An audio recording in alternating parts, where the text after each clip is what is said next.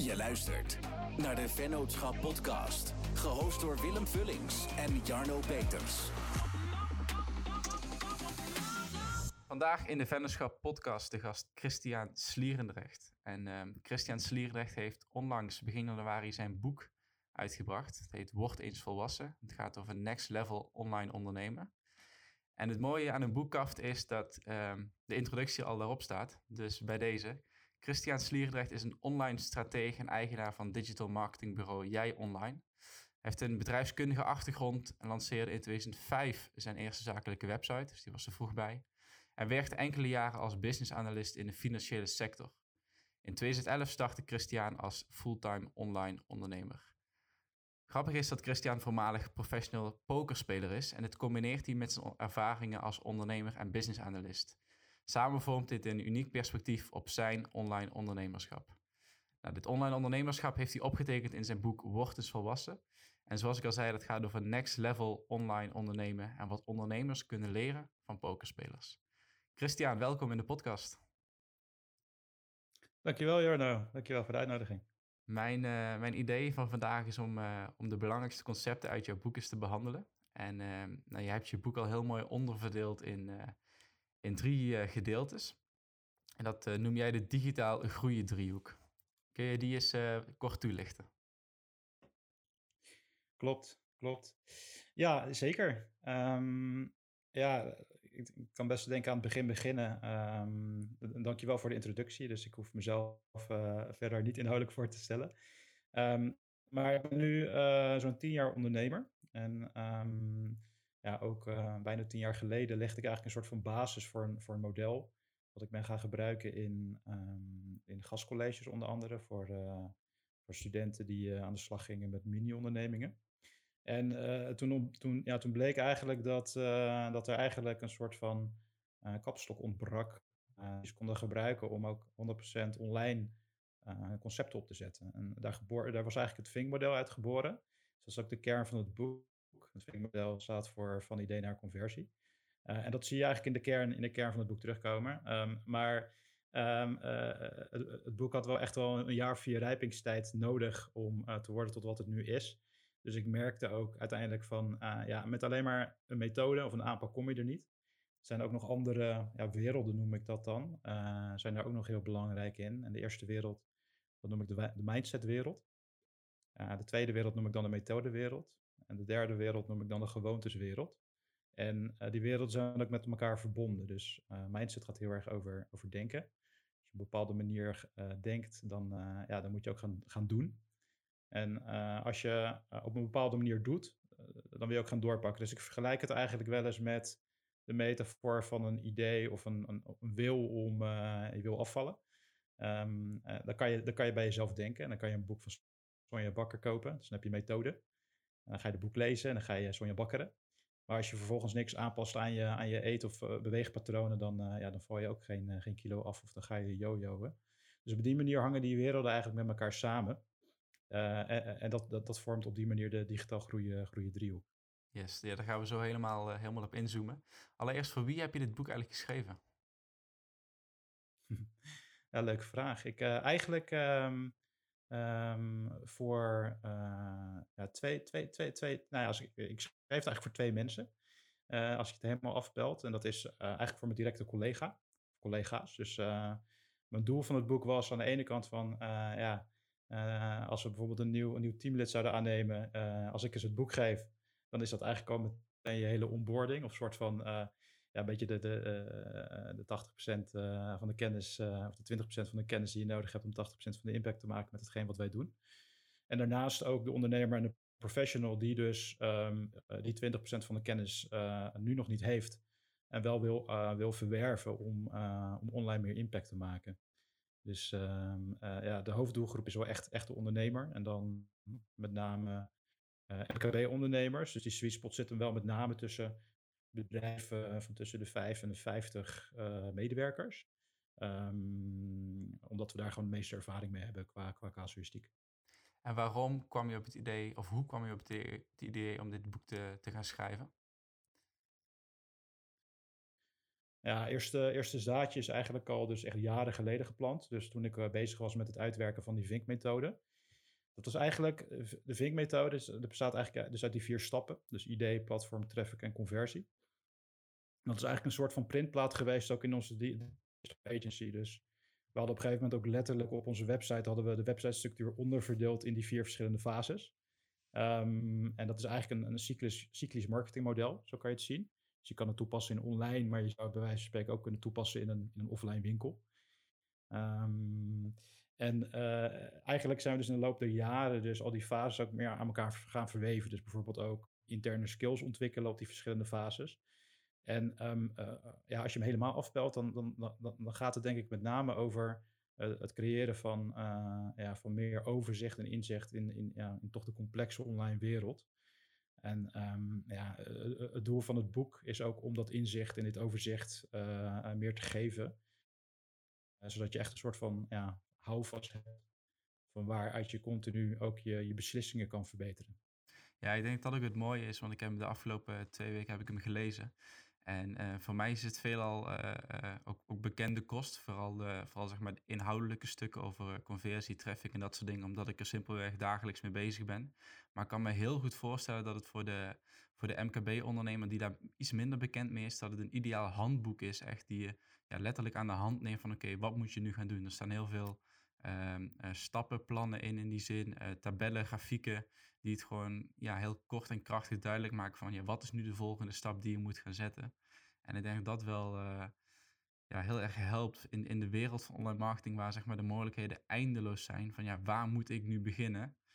ja, hier in het boek word je dus echt aan de hand genomen van oké, dit is de volgorde en dit zijn de stappen die je moet ondernemen om online succesvol te worden. Dus dat vind ik, dat vond ik tof om te zien toen ik het boek aan het lezen was. Um, ik wil eigenlijk beginnen met uh, het eerste gedeelte en dat noem jij de mindset-wereld. En daarin heb je het over digitaal volwassen worden. En dat is eigenlijk waar het hele boek om draait. Organisaties of MKB-organisaties die digitaal volwassen moeten worden. En wat is dat nou precies volgens jou? Wat is digitaal volwassen worden? Ja, goede vraag. Um, ja, weet je, kijk, ik, ik, heb, ik zie ook eigenlijk heel dat, um, je ziet de, de hoofdstukindeling vormt ook een spelbord. Dus dat, is dat, dan, dat, is dan, dat staat dan om, om die digitaal groeien driehoek heen. En dat is ook wel leuk hoe je dat, uh, uh, hoe je dat zelf ook hebt ervaren. Want voor mij is het eigenlijk ook een soort van um, een bak geweest met puzzelstukjes die ik de afgelopen tien jaar heb gevuld. En vervolgens ben ik die aan elkaar gaan leggen. En um, als je het ook hebt over digitale volwassenheid, uh, die heb ik dan in het boek teruggebracht tot, uh, tot een aantal verschillende fases. Hè, dus van digitale baby tot digitale volwassene. En um, uh, ja, ik heb zelf nu een dochtertje, die is net drie geworden. En daar heb ik de afgelopen drie jaar, het idee van het boek is vier jaar geleden, zeg maar, ontstaan, de, eerste aanzet. Maar um, de afgelopen drie jaar heb ik dus ook precies kunnen observeren hoe zij zich ontwikkeld heeft. En van baby in ieder geval naar, naar dreumes, naar, naar peuter. En um, uh, het is wel heel grappig, want je ziet dus ook parallellen met hoe een kind zich ontwikkelt. En uh, wat ik dan in de praktijk zie met organisaties die, uh, ja, die, die dus digitaal volwassen aan het worden zijn of dat graag willen worden. Dus daar zie je best wel verschillen in. Dus dat is voor jou misschien ook wel herkenbaar. dat sommige klanten echt nog helemaal aan het begin. Dus die, um, ja, die hebben misschien wel een website, maar dat is alleen nog maar een soort van ja, traditioneel online visitekaartje. En die, die trekken nog geen klanten via een website. Ja, dan ga je ze dus eigenlijk helpen om een volgende stap te zetten. En dus ook af te stappen van bepaalde overtuigingen. Dus um, uh, uh, uh, als voorbeeld van, het, van het online visitekaartje. een website is tegenwoordig al veel meer dan het online visitekaartje. en kan al ook echt een, een lead generator worden. Of zelfs een platform waar je kennis op deelt. Ja, is eigenlijk je hebt daar verschillende fases in, die beschrijf ik ook in het boek. En daar kan je eigenlijk een, een, een score aan ophangen. Dus we hebben ook een, een digitaal volwassenheidsmodel ontwikkeld met een aantal vragen en stellingen die je dan kan invullen. En als je die dan invult, dan rolt er eigenlijk een score uit. En uh, dan heb je een soort van indicatie hoe, hoe ver je bent in dat digitale volwassenheidsproces. Ja, en uh, wat je net aangeeft vind ik wel, dat is inderdaad heel herkenbaar. Dus je hebt enerzijds klanten die uh, de, de waarde van online volledig inzien. Dus die weten dat het vaak een investering is om, om er later leads en winst en omzet uit te halen. En anderzijds zijn er nog steeds een hele hoop MKB-klanten die denken dat het echt een online visitekaartje is. Dus uh, nou, homepagina over ons, wat projecten, een contactpagina. En dat, en dat is het dan volgens hen. Want hoe, hoe, hoe neem je die type klanten nou aan de hand mee om ja, ze eigenlijk te leren dat een website echt meer moet zijn, wil ik eigenlijk wel zeggen, dan een online visitekaartje? Ja, ja, het verschilt, het, verschilt een beetje per situatie. Dus ehm, eh, kijk, wij, wij zijn op een gegeven moment ook gewoon, wij hebben ook ontdekt dat uh, wij werken het liefste, dan vanuit de agency kant, het liefste samen met klanten die wel een bepaald uh, niveau hebben ontwikkeld qua mindset. En um, daar bedoel ik dan mee um, dat wij graag samenwerken met mensen die ook dus bereid zijn om te experimenteren, die niet bang zijn om te experimenteren en die ook openstaan voor, ja, voor leren, basically. Um, dus dat is wel een voorwaarde. Want als je die mindset nog niet hebt, dat hebben we wel, wel echt ervaren, dat, ja, dan maak je gewoon minder snelle stappen. Dus dat is wel, wel, wel een toets die we eigenlijk altijd ook wel uh, vooraf doen. Uh, dat merk je vaak ook uit gesprekken, hoe ver iemand daarin is. Maar als iemand nog heel, uh, ja, eigenlijk heel, heel erg een beetje in die fixed mindset zit, dus nog heel erg overtuigd is van, ja, van hetgeen wat hij al weet. En dat dat dan the way to go is, weet je wel. Van we doen het zo, dus we blijven het zo doen ja, dan, dan, dan, dan, dan zeggen we gewoon, ga eerst daar dan aan werken. En dan heb je misschien eerst iets meer aan een, aan een uh, mindset coach of een business coach, uh, dan dat we daadwerkelijk meteen aan de slag gaan met online. Maar als je, in die, als je dus wel in die mindset zit, ja, wat wij dan vaak doen is uh, gewoon ook eventjes gewoon basically kijken van oké, wat zijn je bredere doelen, waar wil je naartoe werken? En hoe verhoudt het online, online kanaal zich tot die doelen? Dus hoe kan het online kanaal bijdragen om die, die doelen te realiseren? Dus dat vertaal je dan eigenlijk, um, eigenlijk ook terug in een, eh, in een business case. Um, en um, uh, dat koppel je dan eigenlijk aan de doelen, uitdagingen en uh, mogelijk, mogelijk ook gaps die, die op dat moment in zo'n in zo'n omgeving zijn. En in je boek geef je dan veel rekenvoorbeelden om zeg maar duidelijk te maken van nou, wat bijvoorbeeld een, een, een stijging in conversiepercentage van je website van 2% uiteindelijk een omzet kan opleveren. Is dat dan ook iets wat je in die business case naar potentiële klanten meeneemt? Ja, dus daar starten we eigenlijk, uh, eigenlijk wel altijd mee. Het is een beetje wel afhankelijk van uh, wat, wat, wat de vraag is. Want wij, wij draaien ook nog wel eens projecten eh, waarbij je gewoon alleen maar een website realiseert. Um, en dan, dan zal het niet altijd relevant zijn, of als het om, om een losstaand middel gaat. Maar over het algemeen werken wij met name met klanten op, op langdurige samenwerkingsverbanden. Dus dan, uh, ja, dan is eigenlijk het uitgangspunt altijd dat je naar bepaalde doelen toe wil werken. En dan, dan berekenen we die business case sowieso voordat we gaan samenwerken met een nieuwe klant. Maar eigenlijk ook ongoing, dus uh, periodiek, in ieder geval één keer per jaar. En uh, meestal ook per kwartaal, om dat opnieuw te shiften als, als het noodzakelijk is. En je gaf net al aan van die mindset, die, die, eigenlijk die op groei gerichte mindset, die, die willen we bij onze klanten eigenlijk al zien. Um, maar je zegt ook in je boek, mindset is geen middel, maar het is een randvoorwaarde. En uh, mindset is best wel een, een hot topic, zeg maar, in deze tijden. Er zijn veel boeken over geschreven, heel veel podcasts gaan erover. Mm -hmm. En je kunt, naar mijn mening, al snel de, de indruk krijgen dat, nou ja, zolang je mindset maar goed is, dan, uh, dan heb je een goed leven en dan komt alles goed. Uh, maar ja, ik ben het met je eens, het tegengestelde is waar. Uh, althans, het is inderdaad echt een randvoorwaarde.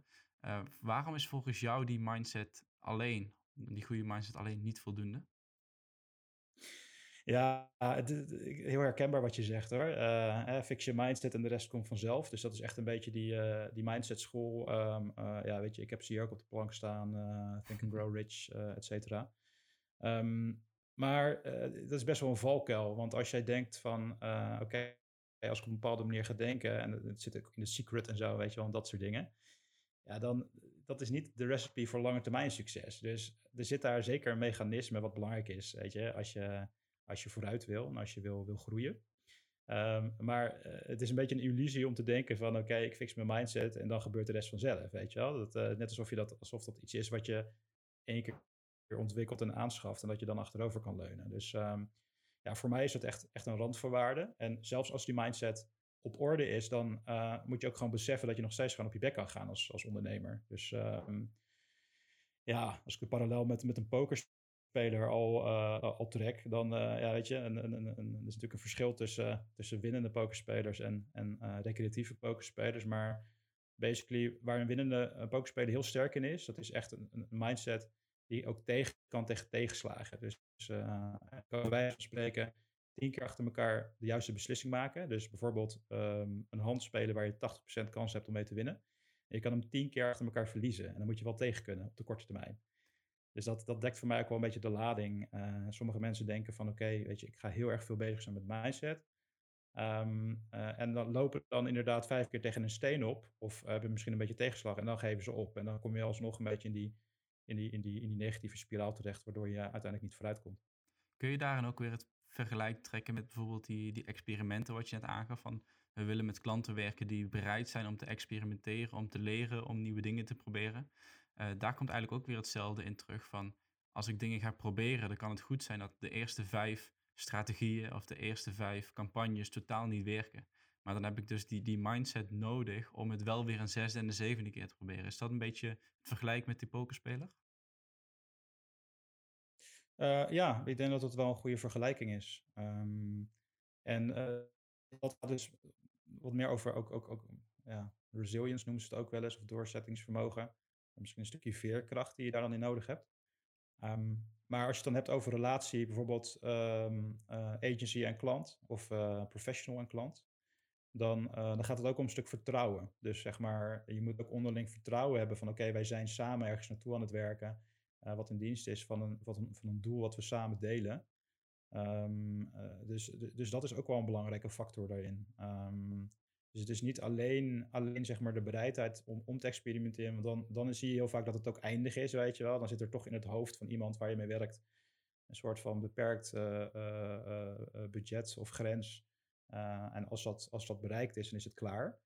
Um, en dus het gaat wel ook heel erg om, om, om, om vanuit die vertrouwensrelatie werken en dan ook een soort continue feedback loop, hebben, waarbij dus je lessen wel doorvertaalt naar verbetering in je volgende experiment. Dus ik, ik snap ook wel dat als je alleen maar experimenten draait en elk experiment staat losstaand en je, en, je, en je, gebruikt de lessen eruit niet om je volgende experiment beter te maken, ja, dan houdt het op een gegeven moment ook op. Nee, nee van, vanuit die ondernemer denken, dus degene die wat minder technisch onderlegd is wellicht, die, die denkt aan online marketing en die weet met god niet waar te beginnen, want de mogelijkheden zijn tegenwoordig echt, echt legio. En, uh, en nou, ik herken het zelf ook, de, de moeilijkheid zit vaak in het maken van de juiste keuze binnen dat online marketingvakgebied. En hoe kies je dan waar je binnen dat online marketinggebied op gaat focussen? Waar, waar begin je überhaupt? Ja. ja, sowieso, je neemt het woord al in de mond. Focus is echt een hele belangrijke. Dus focus en overzicht creëren. Um, nou, een hulpmiddel wat ik bijvoorbeeld in het boek uh, ook uh, gebruik is het uh, online marketing canvas. is basically gewoon een soort business model canvas, maar dan omgebouwd naar online marketing bouwstenen. Dan zit, dan je eigenlijk in het midden, denk je na over je, je doelstelling. Dus dat is gewoon een bredere doelstelling, bijvoorbeeld over een, uh, die over een, jaar, uh, een jaardoelstelling gaat. En dan ga je eigenlijk gewoon, bij wijze van spreken, je uh, digitale bierveeltje invullen. Dus je hebt dan verschillende vlakken die je kunt, kunt gaan vullen om je idee verder vorm te geven. En om te kijken van oké, wat is er dan heel kernachtig nodig om die doelen te bereiken? Dus dat is sowieso wel een belangrijke stap die, ja, die ik zelf eigenlijk wel, wel vaak doe. Um, ook basically omdat je zeg maar, als je een ondernemer bent en je wil een bepaald doel toewerken, je doet dat ook nooit alleen, weet je wel. Dus zelfs al ben je ZZP'er, dan, dan werkt het nog heel erg goed om daar iets van een accountability partner bij te hebben of uh, iemand in je netwerk waar je dan ook kan sparren over dat soort dingen. En op het moment dat je dat dan ook uh, ja, eigenlijk manifesteert en uh, op zo'n canvas uitschrijft, ja, dan, dan, dan, dan creëer je vanzelf ook een beetje de, de juiste richting waar je naartoe gaat bewegen. Dus dat is wel een, ja, dat is wel een goed hulpmiddel daarin. En dan heb je dat canvas eenmaal ingevuld, of samen met de klant, of, of misschien de klant zelf wel. Maar hoe bepaal je dan wat de eerste stap is vanuit dat canvas?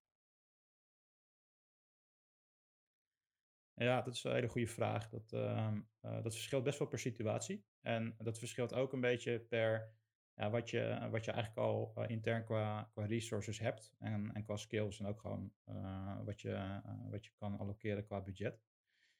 Dus uh, wat wij vaak doen is wel starten met een, een, een cycli van, uh, van een dag of 90. Dus wij breken het vaak op in, uh, in cycli van 90 dagen, omdat je in 90 dagen kan je gewoon best wel wat werk verzetten, maar het is nog wel een vrij overzichtelijke periode. Dus ook, stel dat de website nog niet optimaal is vanuit conversieoogpunt, ja, dan zal dat vaak een logische eerste stap zijn om vanuit je, je, je doelstellingen en je ideeën en je strategie om dan een slag te doen op de website. Um, dat neem je dus mee in die business case. Dus je gaat dus ook kijken van, we hebben nu een site wat alleen maar een online visitekaartje is, waar nul, nul klanten via binnenkomen, of nul, nul leads bij wijze van spreken. en je neemt dan ook mee in je, in je business case berekening en in je, in je marketing canvas, oké, het, het, het, het herontwikkelen of redesignen van de website is één belangrijk focuspunt wat we willen beetpakken. dat, dat smeer je dan bijvoorbeeld uit over een periode van 90 dagen. En daarnaast kan je ook nog wat andere kleine quick wins definiëren die gewoon direct voelbare impact brengen. Dus wij, het is een beetje afhankelijk van de casus, maar wij proberen wel altijd in eerste instantie een paar dingen te definiëren die gewoon wel ook snel voelbare impact hebben in data die je kan laten zien. Dus bijvoorbeeld de data die je, ehm, die je straks af kan zetten tegen de, uh, de, de, 90 dagen die daarvoor verstreken zijn. Omdat je dan ook op die manier, ja, weet je, ik vergelijk het vaak wel eens met een groot vliegwiel. En dat is in eerste instantie is dat heel lastig aandraaien, gaat het heel langzaam. Uh, maar op een gegeven moment als het in beweging komt, dan wordt het steeds makkelijker om dat, om dat vliegwiel verder aan te zwengelen. Um, en als je dat op die manier doet, dan, uh, ja, dan, dan krijg je dus ook, zeker ook uh, ondernemers die daar nog bepaalde um, ervaring mee moeten, moeten opdoen, die krijg je dan daar ook eerder in mee. En die zien ook en die ondervinden ook wat het effect is. Um, en op het moment dat, dat, dat een ondernemer of een team al wat verder is, ja, dan, dan ga je veel meer op de optimaliseren zitten. Dus dan ga je echt veel meer kijken, oké, wat kunnen we uit de data halen? Wat kan die data ons leren om ons initiële idee en, en, en, en een model weer te verbeteren? Um, dus uh, het accent wat je aanlegt verschilt per casus eigenlijk. En je geeft dan aan dat het in dat hele proces uh, heel belangrijk is om kleine successen te boeken. In plaats van grote doelen stellen en die, uh, die proberen te behalen. Waarom is het zo belangrijk om die kleine successen te blijven boeken? Ja, ja. aan de ene kant is een, is een wat, wat breder en groter doel en visie natuurlijk wel belangrijk. Hè? Dat heb je wel nodig.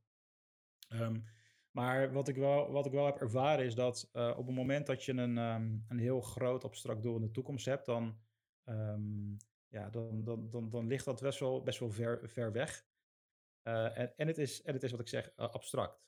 Dus um, wat, je, uh, wat er gebeurt als je op, op een gegeven moment, als je dus, um, uh, om even een voorbeeld te nemen van uh, de ondernemer die een website heeft die nog geen, nog geen klanten binnenhaalt. Hè, dus een B2B ondernemer, bijvoorbeeld iemand die, die actief is in, um, in de maakindustrie. Die, die is gewoon niet gewend om nieuwe klanten binnen te krijgen via de website.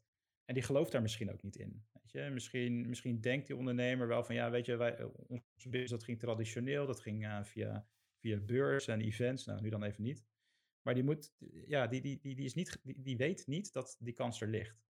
Dus um, uh, ja, op het moment dat je dus op een laagdrempelige manier zo'n ondernemer laat zien dat je daadwerkelijk leads kan genereren, dus je doet bijvoorbeeld een zoekwoordenonderzoek en je ziet dat er toch al een paar duizend keer per maand wordt gezocht op zoekopdrachten die relevant zijn voor zijn product of dienst.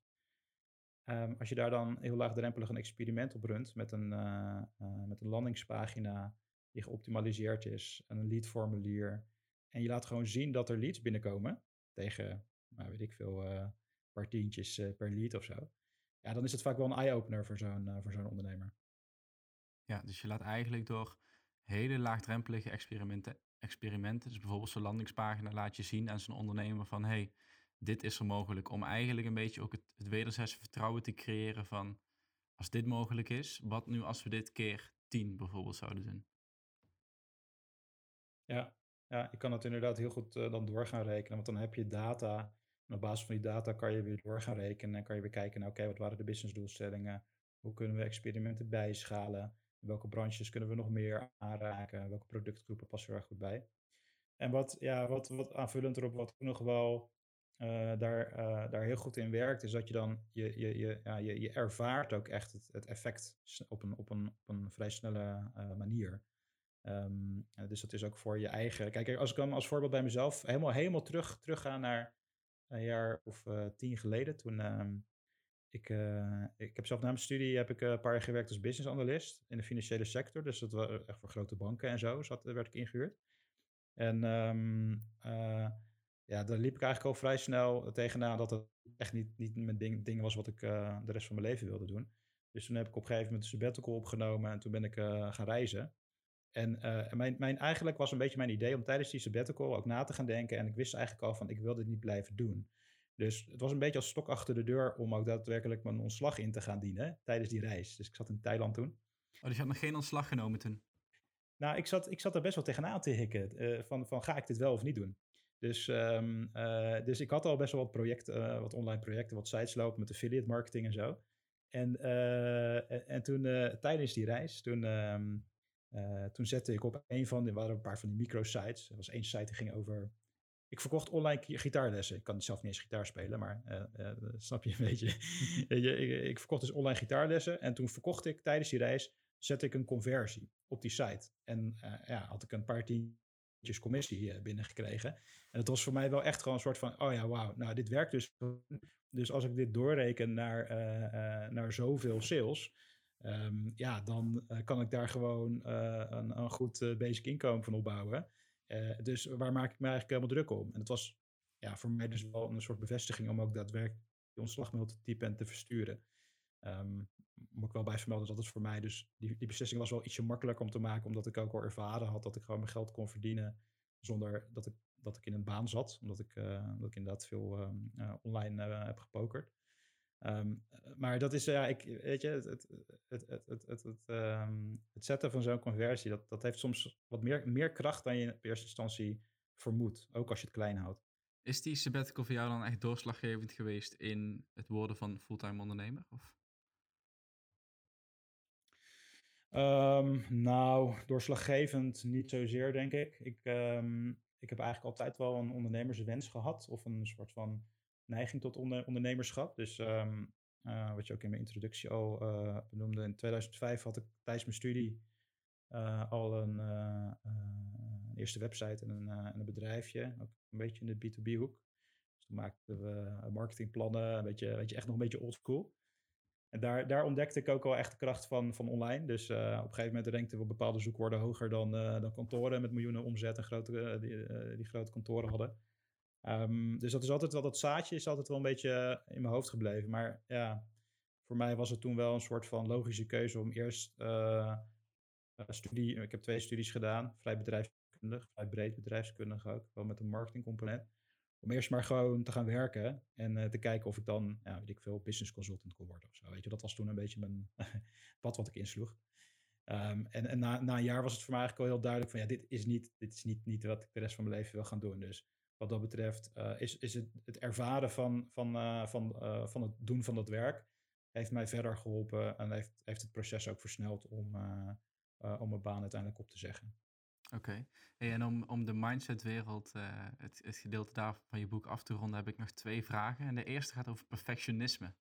En die is voor mij zelf heel herkenbaar. Um, best wel lang perfectionistisch gedrag gehad dat ik me er niet van bewust was. En daarna een tijd dat ik me er wel heel van bewust was, maar dat het lastig is om daar vanaf te komen.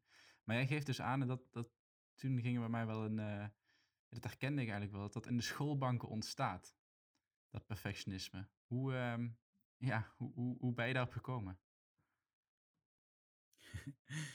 Ja, ja, ja klopt. Uh, nou ja, kijk, hoe ik er zelf tegenaan kijk, um, is dat ons onderwijssysteem is best wel verouderd. Dus um, uh, ik heb in totaal iets van twintig jaar onderwijs gehad. Uh, nou ja, uh, basisschool, VWO gedaan, zes jaar. Um, een HO-studie en een masterstudie. Dus echt bij elkaar wel een jaar of twintig.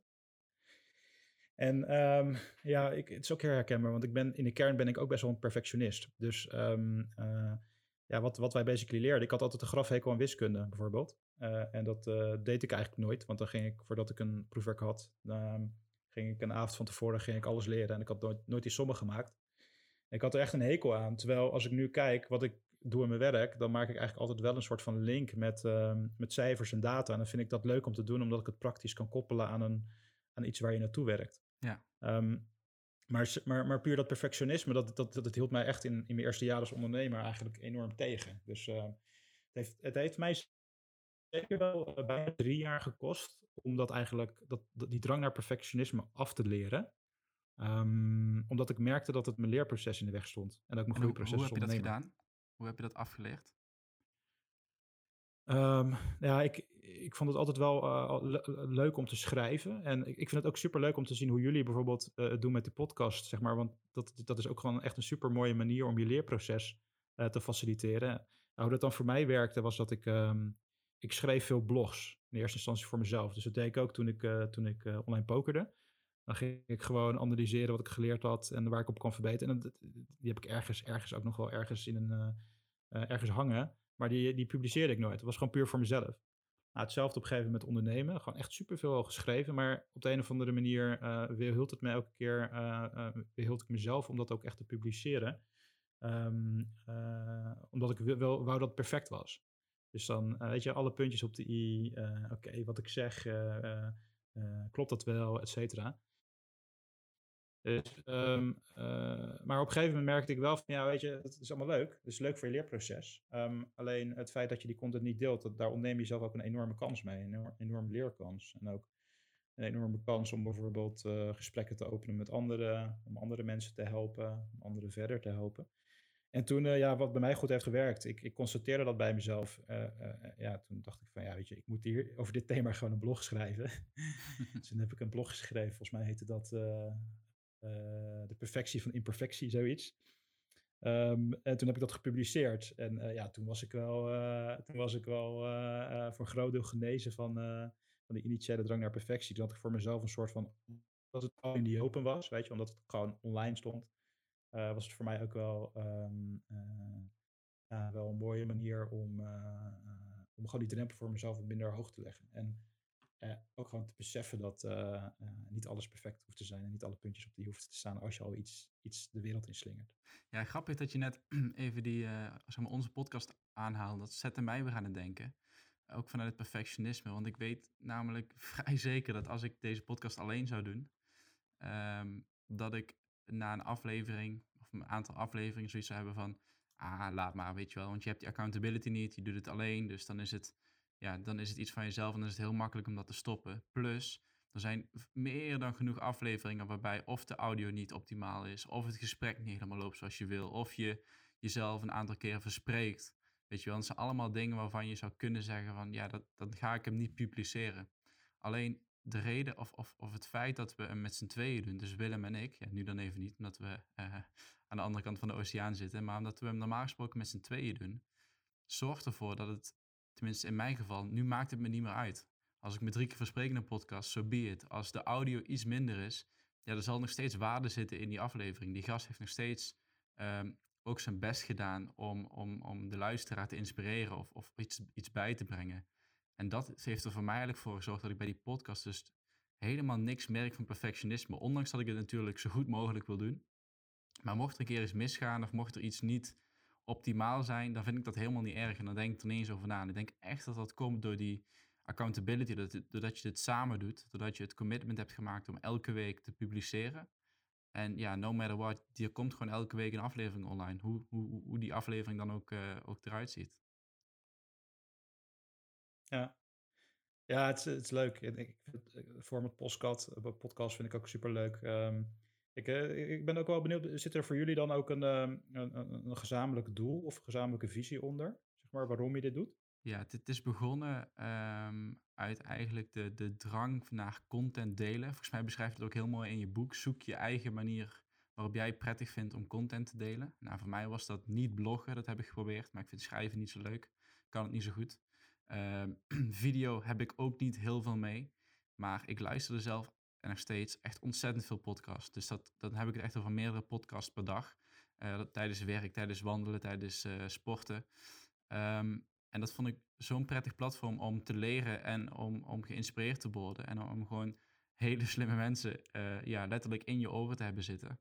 Dat ik dacht van, hé, hey, misschien is dat wel iets waarbij... Ehm, misschien is dat wel mijn type platform om content te delen. En die drang is eigenlijk ontstaan vanuit het feit dat we alleen maar voor klanten werken. Dus je doet eigenlijk ehm, wat je allemaal geleerd hebt, doe je alleen voor klanten, maar niet voor jezelf. En op een gegeven moment zei ik tegen Willem van, ik wil ook zelf iets gaan opbouwen. En, um, en toen hadden we het over podcast. En um, diezelfde avond nog kreeg ik een appje van hem van, ik heb morgen twee microfoons geregeld, we gaan het gewoon doen. En we kijken wel. En, uh, en toen hebben we gewoon onder het genot van een paar biertjes hebben we de eerste twee afleveringen opgenomen met z'n tweeën. En toen hebben we, toen, ik wist heel, ik wist heel erg van, oké, als je hier um, als je hier echt iets van wil maken, dan moet je consistent zijn. Want de gemiddelde podcast duurt uh, eh, 13 afleveringen en dan stoppen ze ermee. Dus consistentie is heel belangrijk. Dus ik heb gezegd, of wij hebben toen met elkaar afgesproken van... Oké, als we het gaan doen, dan gaan we het ook goed doen. En dan gaan we het elke vrijdag doen. En dat hebben we vorig jaar maart volgens mij uh, zijn we ermee begonnen. En uh, dat hebben we tot nu toe elke vrijdag gered. En dat was de ene keer makkelijker dan de andere keer. Ehm, maar ja, dat, dat heeft er wel voor gezorgd dat dat nu is wat het is. Ja, ja heel gaaf om te horen hoor. Want ook als ik uh, jullie podcast terug, uh, terug luister, dan, uh, um, dan herken ik daar eigenlijk ook veel van mezelf in. Ook de zoektocht van mij, van mij en mijn compagnon jaren geleden. En wij, wij begonnen natuurlijk op een moment dat was eigenlijk een beetje breedband internet kwam, kwam echt op. Of, mm-hmm. ging, kwam echt, werd echt gedapt, zeg maar. Zo een beetje zo 2010 is. En toen, ja, content heeft toen natuurlijk echt, echt een vlucht genomen. Maar toen, ja, toen had je nog niet echt zo'n podcast-ecosysteem als dat je nu hebt. En, en, letterlijk, als dat wel zo was geweest, dan, ehm, dan was dat misschien ook wel een format geweest wat wij al eerder hadden omarmd. dus ik ben eigenlijk, ik kom pas nu een beetje pas kijken in de podcastwereld. ik kon meer aan het luisteren en zo. Um, en ik vind het echt een super cool format. En ja, ik denk ook het feit dat jullie dus al bewust ook um, op het punt zijn waarbij je weet van oké, wij zijn bewust bezig met ontwikkeling en we hebben een format wat daar heel goed bij past. Dat, ja, dat gaat echt wel zorgen dat je, uh, dat je groeiproces daardoor ook versnelt en meer stroomt, zeg maar. Dan wanneer je heel, heel krampachtig denkt van ja, ik moet elke week een blog schrijven en dat je daar eigenlijk tegenop ziet, weet je wel. Ja. Dus dat is wel heel cool om te horen. Ja, dat, dat krampachtig opzien tegen het schrijven van een blog, dat, dat heb ik dus ook ervaren. En daarom ben ik daar ook niet meer doorgegaan. En het mooie is van, van podcast, het idee was eigenlijk om onze ondernemersreis te documenteren. Dus om, om zeg maar met name met z'n tweeën die podcast te doen en, en dat vast te leggen, zodat we over drie, vijf of tien jaar kunnen terugluisteren waar we nu mee bezig zijn. Uh, dat leek me gaaf en daar is het eigenlijk mee begonnen. Uh, maar al heel snel is het, is het geswitcht naar, hey, we gaan gasten uitnodigen die, uh, die iets te vertellen hebben, die ons iets te leren hebben, waarvan wij ja, iets kunnen opsteken. En dan is een podcast is dan een heel mooi excuus om gewoon toffe gasten uit te nodigen. Dus mensen waarbij je normaal gesproken nooit aan tafel zou zitten, mensen die, als je ze een bericht stuurt van... hey, zullen we een kop koffie doen? Dat ze terecht zeggen, waarom zou ik met jou een kop koffie doen? Maar als je zegt van, hey, zullen we een podcast opnemen? Dan is het opeens van, ja, cool, laten we dat doen. En dan is het gewoon een heel, heb je gewoon een heel tof gesprek met zo'n gast. En dan ja, is het gewoon een hele mooie manier, ook voor ons, om gewoon heel veel te leren. En, en dat is eigenlijk een beetje de switch wat we hebben gemaakt. Van, van het documenteren van onze ondernemersreis. Dat doen we af en toe tussendoor nog wel in een aflevering. Maar met name gewoon heel veel leren van, uh, van toffe gasten. Ja.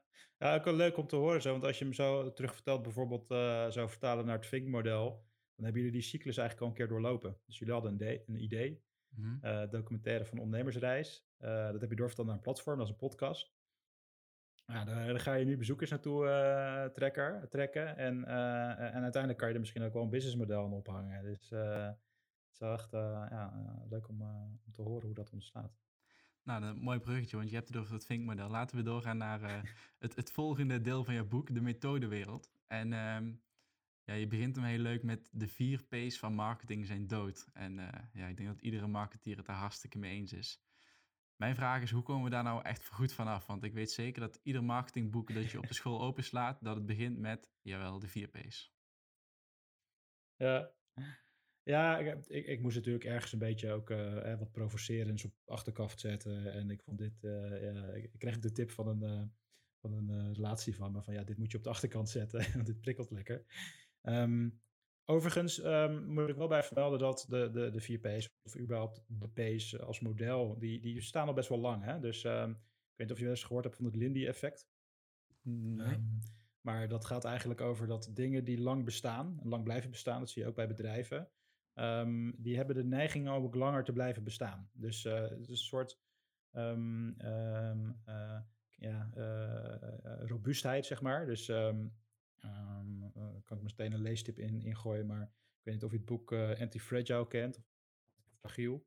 Ja. Dat was een Taleb. die heeft het ook over dat soort mechanismes. en dus kijk, wat ik eigenlijk zeg in mijn boek ook en hoe ik daarnaar kijk, is dat de 4P's als strategisch beslismodel, die hebben hun beste tijd gehad. Maar ze, ze, kunnen wel nog steeds relevant zijn. Dus als je bijvoorbeeld kijkt naar een voorbeeld als een bedrijf als Coolblue, ja, die zijn online begonnen. En die zijn op een gegeven moment vanuit een, een, een, een, een visie die gaat over een obsessie voor klanttevredenheid. Um, zijn ze winkels gaan openen. Maar die winkels die werden helemaal niet geopend vanuit het perspectief plaats. Of dat mensen toevallig uh, uh, op die plekken dan langs zouden lopen en de winkel in zouden lopen. Dus die is, die is heel anders ehm, eh, tot stand gekomen, die beslissing. En wat je dus ziet is dat daar een beslissing wordt genomen waarbij dus de, de, de P van plaats wel, uh, wel in het businessmodel zit. Een uitvloeisel van, um, van de manier waarop ze zaken doen en waar ze in geloven. Dus dat is wel de, de, de, nuance die ik daar mee wil geven. maar tegelijkertijd, ja, ik ben het met je eens. waarom blijven wij een, een, een, een model in de studieboeken boeken zo prominent uh, overbrengen op studenten, uh, waardoor ze eigenlijk al een achterstand hebben als ze het veld inkomen. Dus basically, um, wat ik met het vinkmodel ook probeer te doen, is dat je, dat je dus meer vanuit een, een cyclus gaat benaderen. Dus marketing zie ik vaak ook gewoon als een cyclus. en dat je dat ook als alternatief kunt pakken voor, voor de traditionele watervalplanningen. Van oké, we moeten heel ver vooruit denken dan moeten we deze, deze keuzes maken. Ga je een lijvig plan schrijven. Nou, dan ben je twee weken bezig met het schrijven van een plan van uh, 20 kantjes. En dan, uh, dan kan je bij wijze van spreken twee weken later dat plan weer in de prullenbak uh, flikkeren, omdat het alweer uh, outdated is. Dus dat is een beetje waar het vandaan komt. Ja, grappig nu je het zegt, herinner ik me mijn studie. Ik heb ICT en Business gestudeerd. Bedrijfskundige informatica heette het voorheen volgens mij. En daar begonnen we inderdaad ook met, met de vier P's. Maar al heel snel en de watervalmethode, dus dat je aan het begin van een heel lang traject een doel stelt en dat je daar no matter what naartoe werkt. Um, maar al heel snel werd ons juist geleerd om meer agile slash scrum te gaan denken. Dus dat je inderdaad constant gaat itereren en dat je constant uh, bij gaat stellen. Dus dat is eigenlijk weer waar jouw vinkmodel op aansluit. Je hebt constant die cyclus om uh, ja, van idee naar conversie. Maar, maar dat, die uiteindelijke conversie die kan ook constant bijgesteld worden naar naar het proces wat je doormaakt. En uh, ik moet zeggen dat ze dat dus bij mijn opleiding ja, al, al, al, goed hadden geïmplementeerd in het onderwijs. Alleen, uh, ja, ik heb toen een, half jaar in Amerika gestudeerd ook, in 2018. En toen werd ik echt doodgegooid met uh, die oude marketingbegrippen, waaronder dus de 4 P's. En toen realiseerde ik me ook van, ja, hier, uh, hier lopen we echt nog wel een aantal jaar achter. Alleen, ja, hoe, hoe, hoe, ga je ervoor zorgen dat dat in het onderwijs, wat, Uber, wat altijd achterloopt, daar is weinig aan te doen, denk ik. Hoe ga je ervoor zorgen dat ze daarbij kunnen blijven met die constant veranderende wereld van online marketing? Ja, ja dat is een hele goede vraag. Uh, en ik denk ook dat dat heel erg verschilt per opleiding. Dus sommige opleidingen die, die zijn al best wel uh, goede, goede stappen aan het zetten. Die zijn er ook wat verder in. Um, maar als je mij vraagt, dan gaat het met name over een soort mentaal model wat je, wat je aan leerlingen meegeeft. Dus ik, eh, ja, weet je, ik, ik geloof ook veel meer in um, uh, studenten leren, leren nadenken of uh, leren over hoe ze kwalitatief betere beslissingen kunnen maken. En, en, niet zozeer alleen maar het stampen van kennis. Dus ik vind het eigenlijk best wel bijzonder dat we, ja, als je, als je zo, zo lang naar school gaat of zo lang studeert, waarom, waarom leren we dan niet meer over hoe we goed leren of hoe we optimaal leren? En waarom leren we met name uh, uh, feiten? Of um, waarom worden we afgerekend op, nou even terug naar het begin, maar naar, naar, naar, perfectionisme of naar het geven van de juiste antwoorden die in een soort statische context de juiste antwoorden zijn, maar misschien over een jaar helemaal niet meer de juiste antwoorden zijn. En uh, ja, hoe, hoe, hoe, ga je dat oplossen? Ik, ik, denk wel door dus in het onderwijs meer na te denken over de manier waarop we beslissingen nemen. Um, en daar zou ook nog kansen kunnen liggen om onderwijs en praktijk nog wat dichter bij elkaar te brengen. Um, sommige scholen doen dat ook best wel goed, sommige onderwijsinstellingen. Uh, maar die gap, ja, die gap, die gap die hou je wel. Um, uh, zeker als je werkt met, uh, met studieboeken. Ik bedoel, ik heb dan nog wel geprobeerd om dit boek zo te schrijven dat um, als het van de drukpers af ligt, dat afrolt, dat het grootste deel gewoon vrij tijdloos te gebruiken is. Maar er zitten ook in dit boek elementen zoals uh, uh, elementen in, in, zoekmachine optimalisatie, et cetera, die over een jaar misschien alweer outdated zijn. Dus dan, ja, dan moet ik ervoor zorgen dat dit boek de, de, druk uitverkocht en dat ik dan weer een nieuwe druk heb waar ik het in kan aanpassen. Ja, dus, ja dat, um, dat, is waarschijnlijk iets wat niet te voorkomen ja. is in, in deze wereld. Ja, die snelheid, die snelheid is natuurlijk gewoon, die, ja, die accelereert. Dus um, je kan denk ik wel, je kan denk ik wel het gap verkleinen, want die, die gaps die zijn denk ik wel nog te groot.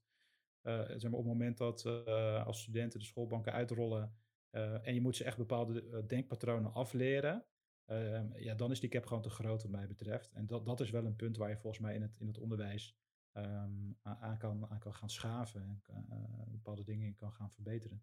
Ja. En de, de methodewereld gaat heel erg, wat ik in de introductie eigenlijk al zei, neemt je heel erg mee aan de hand van oké, wat welke stappen moet je nu gaan zetten om, om online succes te gaan, te gaan bereiken. Ehm, dus ja, als je daar geïnteresseerd in bent, zou ik vooral zeggen, uh, check het boek, want daar staat het in beschreven. Maar wat me daarin opvalt, ehm, of, of wat ik, wat ik terecht, een terechte opmerking vind, is dat content marketing vaak wordt onderschat. En dat herken ik dus heel erg ehm, bij de mensen waarmee ik werk.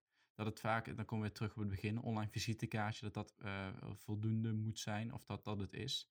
Maar content marketing, ik merk het ook zelf met mijn eigen uh, affiliate websites dat kan zoveel impact hebben en zoveel waarde creëren voor je bedrijf. Ehm, ja, waarom is content marketing zo belangrijk, maar met name waarom wordt het zo vaak onderschat? Ja, ik, ik denk dat het als, als, het echt onderschat wordt, dat het toch vaak gewoon uh, een kwestie is van niet weten wat de potentie is. Dus daar gewoon geen ervaring mee hebben. En wat ik ook wel vaak zie, is dat uh, je, je interne leereffect wordt onderschat. Dus um, als, je, als je het puur hebt bijvoorbeeld over copywriting, dus um, uh, ik zeg ook wel eens dat uh, de, de, de, meest onderschatte skill voor ondernemers is, uh, is copywriting. Dus mm -hmm. wat mij betreft zou elke ondernemer zou gewoon bepaalde basiskennis moeten hebben over copywriting. Omdat dat gaat niet alleen maar over het schrijven van webpagina's of teksten die je in brochures zet. Maar dat gaat bijvoorbeeld ook over hoe je een offerte tekst opbouwt. Um, ja. Dus het schrijven, het schrijven van teksten en of je dat nou, dat, dat kan ook een andere, een andere contentvorm hebben. Dus je kan ook een hele, hele sumiere offerte hebben met alleen maar een prijstabel, maar dan bijvoorbeeld uh, een video erbij schieten of een audiobestand, wat een toelichting geeft, wat dan net even uh, de, de, de, de, potentiële klant over de drempel trekt. Um, maar over het algemeen um, ja, worden niet al die kansen benut. Dus daar, daar zit hij hem zeker voor, voor een deel in.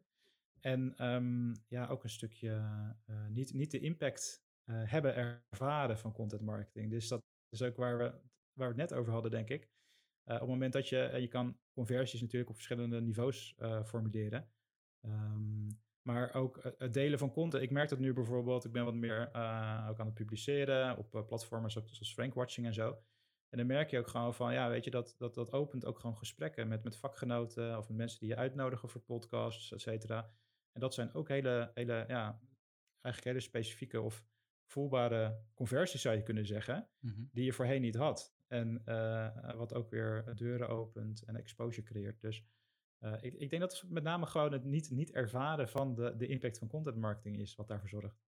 En je geeft al aan een van de nou skills die je als ondernemer wel moet hebben, is dat je in ieder geval een degelijke copywriter kunt zijn. Um, wat zijn jouw tips om daarin, om daarin te groeien, om daarin beter te worden? Is dat, dan, is dan ook weer echt een kwestie van doen? Of heb je uh, wat handvaten waaraan ze zich kunnen, kunnen vasthouden? Ja, ik denk dat dit is natuurlijk niet voor iedereen weggelegd. Hè? Want als je, als je gewoon echt geen affiniteit hebt met schrijven, dan, uh, dan, moet je, dan moet je echt niet als verplichting zien om dat dan maar te gaan ontwikkelen bij jezelf. Maar um, waar ik wel in geloof is dat als je op een bepaald niveau begrip hebt van hoe dingen worden opgebouwd. Dus wat je ook terugziet in mijn boek is, het biedt me namelijk structuur, hou vast. Dus er zitten er zitten wat, wat tools in om, om teksten op een optimale manier op te bouwen. Dus als je bijvoorbeeld naar een landingspagina kijkt die gaat over dienstverlening, dat je dan niet meteen gaat beschrijven: dit is mijn product, koop het. Mm -hmm. Maar zoom, zoom echt in op je, uh, op je, potentiële, op je potentiële klant, dus uh, op je buyer persona. En probeer je echt in, in, in, in de huid van die persoon te verplaatsen. En ga dan nadenken over ja, wat zijn de problemen waar zo'n uh, persoon mee kampt? En kan jij ook de situaties schetsen in je teksten die die problemen aanraken? Als je dat doet, dan, ja, dan heb je veel meer op een ja, meer, meer um, emotioneel niveau ook connectie. Waardoor iemand ook geneigd zou zijn om, om door te lezen in je teksten. En dus ook um, ja, meer aan te gaan op de oplossing die je biedt. Um, in het laatste deel van je boek, Christian, De Gewoontewereld, haal je wat, wat mij betreft wat interessante concepten en, en termen aan.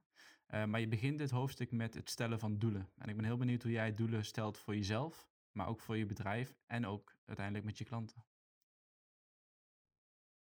Ja, ja wat, ik, wat ik daarin heb gemerkt is dat het creëren van een ritme heel belangrijk is. Dus zeg maar een goal setting ritme um, en ook een evaluatieritme. dus wat wij zelf doen is, ja, we, we, we, kijken ongeveer twee keer per jaar kijken we uit op de lange termijn. Dus dan, wij, wij, wij delen hem zelf op in, in stappen van, van tien jaar, drie jaar en één jaar. Waarbij je dan je, je, je jaardoelen, die zijn gewoon concreet, want die kan je ook deels relateren aan, aan de stappen die je nu al hebt gezet. die kan je ook redelijk kwantificeren. Ehm, en als je wat verder in de tijd gaat, dus drie of tien jaar, dan zit je ook wat meer op visieniveau. Um, dus dan formuleer je ook een visie en een, een, bepaalde missie waar je naartoe gaat werken. En, um, en dat is natuurlijk niet onbekend, weet je wel. Er zijn genoeg boeken over volgeschreven, er zijn genoeg verschillende frameworks die je daarvoor kan gebruiken. Maar wat, wel, wat daarin wel heel goed werkt, is als je uh, dus ook een bepaald, bepaald ritme of cadence daarin in verwerkt. dus bij wijze van spreken van tevoren dus al eh, in je agenda eh, eh, blokt. Wanneer je gaat nadenken over, over visieontwikkeling en het, en het bijschapen daarvan. En dat je dan ehm, meer op, op, op tactisch, tactisch niveau in je jaargoals, dat je dan elk kwartaal ook even de vinger aan de pols houdt. En dat kan je dan weer tot aan uh, campagne, campagne doelstelling niveau afpellen tot, tot een maand of tot twee weken of tot misschien zelfs één week. Een beetje afhankelijk van de, de snelheid waarin je, waarin je je wil ontwikkelen. Dus zorg ervoor dat je in je agenda gewoon momenten inplant. Eigenlijk al een jaar, een jaar of vooruit misschien wel. Um, dat je gewoon terugkijkt of, of evalueert waar je staat en, uh, en hoe je staat ten, ten opzichte van je, van je doelen. Ja, dat gaat wel over de, over de, over de lange termijn, zeg maar, uh, uh, over je, je visieontwikkeling zou ik dat twee keer per jaar doen. Dus een beetje de sweet spot bij, bij mezelf ligt dan een beetje zo, um, zo in de zomer. Zomer is vakantie. En tegen het einde van het jaar. Dus dat je ook dat mee kan nemen in het evalueren van je jaardoelen voor het jaar erop. Mm-hmm. Dus dat zijn momenten die je bij wijze van spreken al kan. kan eh, dus bijvoorbeeld als je samenwerkt met Compion of ehm, met een team. Dan kan je dat bijvoorbeeld ook al inplannen onder de mom van een stukje visieontwikkeling. waarbij je hopelijk straks na corona gewoon weer op een fysieke locatie die anders is dan je, dan je kantoor, daar ook bij stil kan staan. En um, ja, als het gaat om, om, om kwartaalevaluaties, dat, ja, dat is eigenlijk gewoon, maar als je een kwartaal hebt gedraaid en je hebt de cijfers van een kwartaal, heb je, heb je bij wijze van spreken op je, op je bureau liggen. Ja, dat je ook daarnaar kan kijken samen met, je, met de statistiek en de data die je hebt verzameld vanuit de online kant. Om te kijken, zijn we nog on track op het jaardoel en moeten we daar nog in bijsturen. En dan geef je een heel mooi voorbeeld wat komt uit het boek van Stephen Covey. En dan heeft hij het over de rocks. Kun je dat eens uh, toelichten? Ja, ja, dat vind ik zelf een hele mooie. Dat is een beetje de, hè, de metafoor van, uh, van een, uh, een vaas, gebruikt hij geloof ik. Uh, waarbij je dan uh, de stenen, stenen hebt. Ehm, die, die, die, dat zijn eigenlijk je belangrijkste focusdoelstellingen. Um, en je hebt dan kiezels, dat zijn wat kleinere steentjes. Dat zijn acties die ook wel belangrijk zijn, maar ja, die, die, die, die, die, moet je daarnaast zeg maar plaatsen. En dan, um, en dan heb je nog het zand en dat vult eigenlijk de rest op. En wat, wat Stephen Covey in, in, zijn boek ook heel mooi omschrijft is, nou, op het moment dat je eerst dat zand erin gooit, dus het zijn eigenlijk al je afleidingen, social media, nou ja, als je naar, um, als je Covey kent, dan ken je waarschijnlijk ook de Eisenhower matrix. Dus mm -hmm. dat quadrat met vier vlakken, acties die ehm, urgent maar niet belangrijk zijn, zeg maar, als je je hele dag laat overspoelen door dat soort acties. Um, ja, dan is je dag al snel vol. En dan heb je dus eigenlijk geen ruimte meer in die, in die vaas voor de dingen die er echt toe doen. En dat zijn de rocks. Um, en die kun je zakelijk definiëren, maar ook persoonlijk. Hè? Dus dat kan ook uh, uh, tijd met, uh, met vrienden of familie zijn. maar dat kunnen dus ook doelstellingen zijn die, die zakelijk gezien gewoon op de lange termijn een grote impact hebben. Um, dus een voorbeeld van een rock kan bijvoorbeeld het herontwikkelen van een website zijn.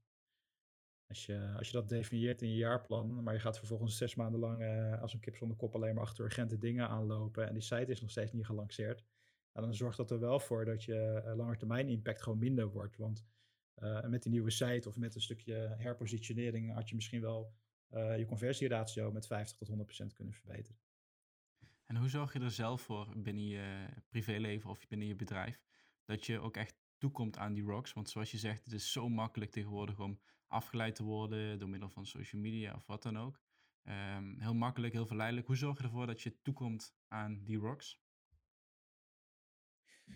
Ja, toch wel door, door er niet te veel te definiëren. Dus ehm, ehm, echt, per persoon zou ik er gewoon maximaal drie tot vijf definiëren in een kwartaal.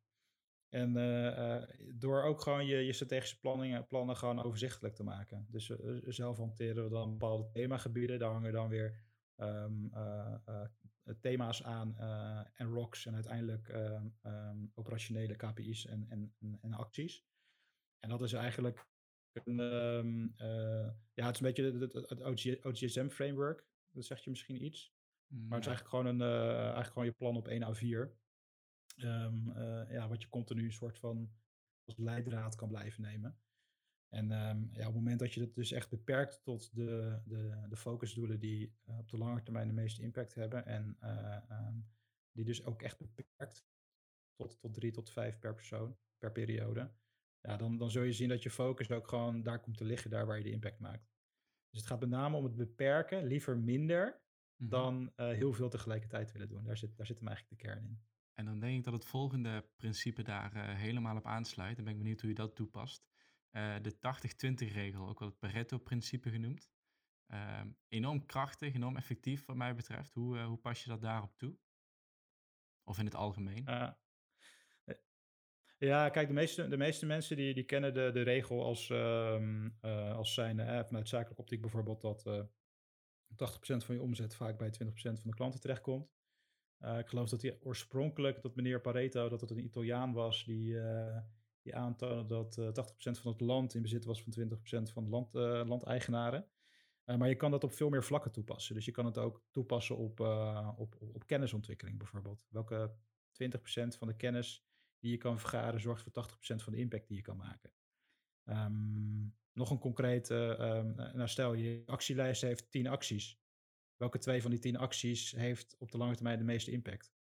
Um, nou ja, ga die dan ook doen of, of, of plan die in. En uh, ja, wat je vaak ziet is dat actielijstjes gewoon een soort van overlopen en dichtslippen. Maar als je op zo'n manier er naar kijkt, dan, uh, ja, dan blijf je gewoon wel continu je impact maximaliseren. Um, ja, dus er zijn, er zijn eigenlijk tal van situaties waar je het in kan toepassen. En eigenlijk wat ik in het boek ook wel probeer, is om mensen een beetje te, te, te triggeren om daar ook actief over na te blijven denken. Weet je wel, op welke plekken kan je dat nog meer toepassen eh, eh, dan, eh, dan je het nu misschien doet. Ja. Ik weet niet of je daar voor jezelf, of je daar voor, voor jezelf over een, een, een, een voorbeeld bij hebt of inzicht bij, bij hebt. Nou, er staat een. Uh, ik volg Tibor Olgers, business coach uit, uit, Amsterdam, die volg ik nogal. En die heeft op, uh, op YouTube echt een ontzettend duidelijke video over dit principe staan. Waarbij hij gewoon heel simpelweg drie, twee driehoeken tekent. En dan heeft hij dus over um, 80% eh, van je omzet komt uit 20% van je klanten. Daar begint hij mee. En als je dat dus helemaal gaat doortrekken, dus oké, dan ga ik me alleen maar focussen op die 20% en de rest ontsla ik bij wijze van spreken. En dan ga ik kijken van oké, maar welke diensten leveren dan die omzet op? Nou, ook weer 80-20. Oké, dan ga ik me alleen focussen op die diensten die daadwerkelijk die 80% omzet opleveren. En als je dat helemaal zo door gaat trekken in je business, en dan geeft hij een heel mooi praktisch voorbeeld van, van een boekhouder die hij daarmee heeft geholpen dan heb je uiteindelijk in veel minder tijd veel meer omzet. En um, ja, sinds ik die video van hem heb bekeken, ben ik daar steeds bewuster mee bezig van oké, op welke gebieden in business, maar ook in mijn privéleven kan ik die regel toepassen. En eh, alleen al zeg maar, om daarover na te denken helpt al enorm. Um, en de volgende stap is om dat inderdaad concreet gewoon echt toe te gaan passen en daarop actie te ondernemen. Ja, ja mooi voorbeeld. Het is echt superkrachtig. Ik wil hem uh, langzamerhand gaan, uh, gaan afronden, want we, we zitten al bijna op het uur. Maar waar, waar je het boek mee eindigt, zijn eigenlijk een aantal uh, handvaten waar, wat het boek een beetje samenvat. Maar wat mij daar heel erg in aansprak is de, de, de quote, doe waar je goed in bent en ontdek waar je flow ervaart. En dat zijn voor mij twee hele belangrijke dingen waarbij ik zelf eigenlijk ook nog een beetje op zoek naar ben. Dus nou, een beetje een vraag vanuit mezelf. Allereerst, hoe ontdek je nou waar je goed in bent? door, door te doen, door gewoon heel veel te doen. Dus ik denk, ja, weet je, ik, denk dat als je een, een, een, een leergierige open houding hebt, uh, zoals jullie, um, dat, je dat, dat je dat proces versnelt. Dus ik denk niet dat je dat al van tevoren kan, weten. Dus uh, ja, hoe dat pad gaat lopen, dat, dat kun je van tevoren niet weten. En dat is denk ik ook helemaal oké. Dat is denk ik ook niet erg. Um, maar door je er dus bewust, bij te, bewust van te zijn, dus door ook je, je, ja, je mindset daarop te richten om dus wel die zoektocht continu te blijven voortzetten en het ook op een manier te doen die je leuk vindt. Dus ja, gewoon blijven spelen, zeg maar, eigenlijk. Ehm, ga je dat sneller ontdekken. Ehm, en er zullen altijd ja, dingen op je pad komen die misschien het proces soms wat tegenhouden. Dus wat dat betreft is het soms ook gewoon een beetje geduld oefenen.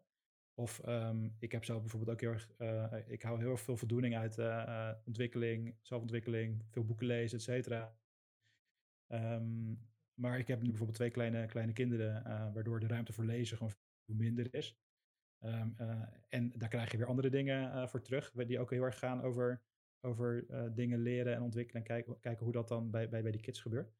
Um, dus ja, dat, dat, heeft toch weer. Eh, dan komen, ik denk wel dat we dan de cirkel weer rond hebben. Dan komen we uiteindelijk weer bij het, bij het stukje mindset terecht. en ik, ja, ik, ik, vind het mooi hoe jullie dat al, hoe, jullie dat pad al ingeslagen zijn. Dus ik, denk dat je, ik denk dat je ook gewoon erop kan vertrouwen dat, dat die ontdekkingstocht, dat, die, ja, dat, dat je dat pad ook echt gaat vinden. Hoe, ben, hoe en wanneer ben je er zelf achter gekomen? ik ben nog steeds, het is, het is, het is een, altijd een ongoing proces. Dus voor mij, um, uh, waar, waar dat boek bij mij heel erg heeft geholpen, en ja, wat ik ook aan het begin al een keertje uh, aanhaalde, is dat het echt wel een proces van een paar jaar is geweest. Dat uh, ja, mijn sweet spot zit er gewoon echt in, in, in, in, creëren, in schrijven, in, in eigenlijk complexe materie overzichtelijk maken, zeg maar. Dat, dat is wel echt waar ik voldoening uit haal. Um, en dat dan gebruiken om anderen te helpen. Dus um, ik heb eigenlijk ook als soort persoonlijke missie heb ik, uh, op mijn bureau liggen. Uh, en dat is een blaadje waarop staat anderen empoweren te groeien, zodat ze sneller in staat zijn om de wereld een betere plek te maken. En ja, dat, dat vat voor mij eigenlijk wel mooi samen waarom ik de dingen doe die ik nu doe. En ja, daar is het boek een, ja, ook, een, ook een platform voor, wat mij betreft. Heel mooi. Heb ik nog iets over het hoofd gezien, niet gevraagd, wat wel heel interessant is vanuit het boek? Of hebben we alles wel zo'n beetje behandeld volgens jou?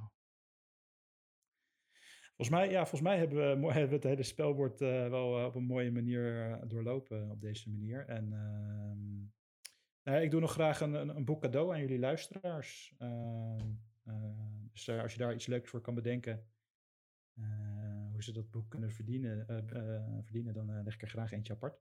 Ja, super tof. Um, laten we het zo doen dat als je deze aflevering deelt op Instagram, dus dat mag een story of dat mag een post zijn, of op LinkedIn of elk ander platform, um, en je tagt ons, dus je tagt de Vennootschap Podcast, en op Instagram heten we uh, de Vennootschap, dan kiezen wij volgende week kiezen wij daar een winnaar uit en dan zorgen we dat het een... signeer je hem ook, Christian, het boek?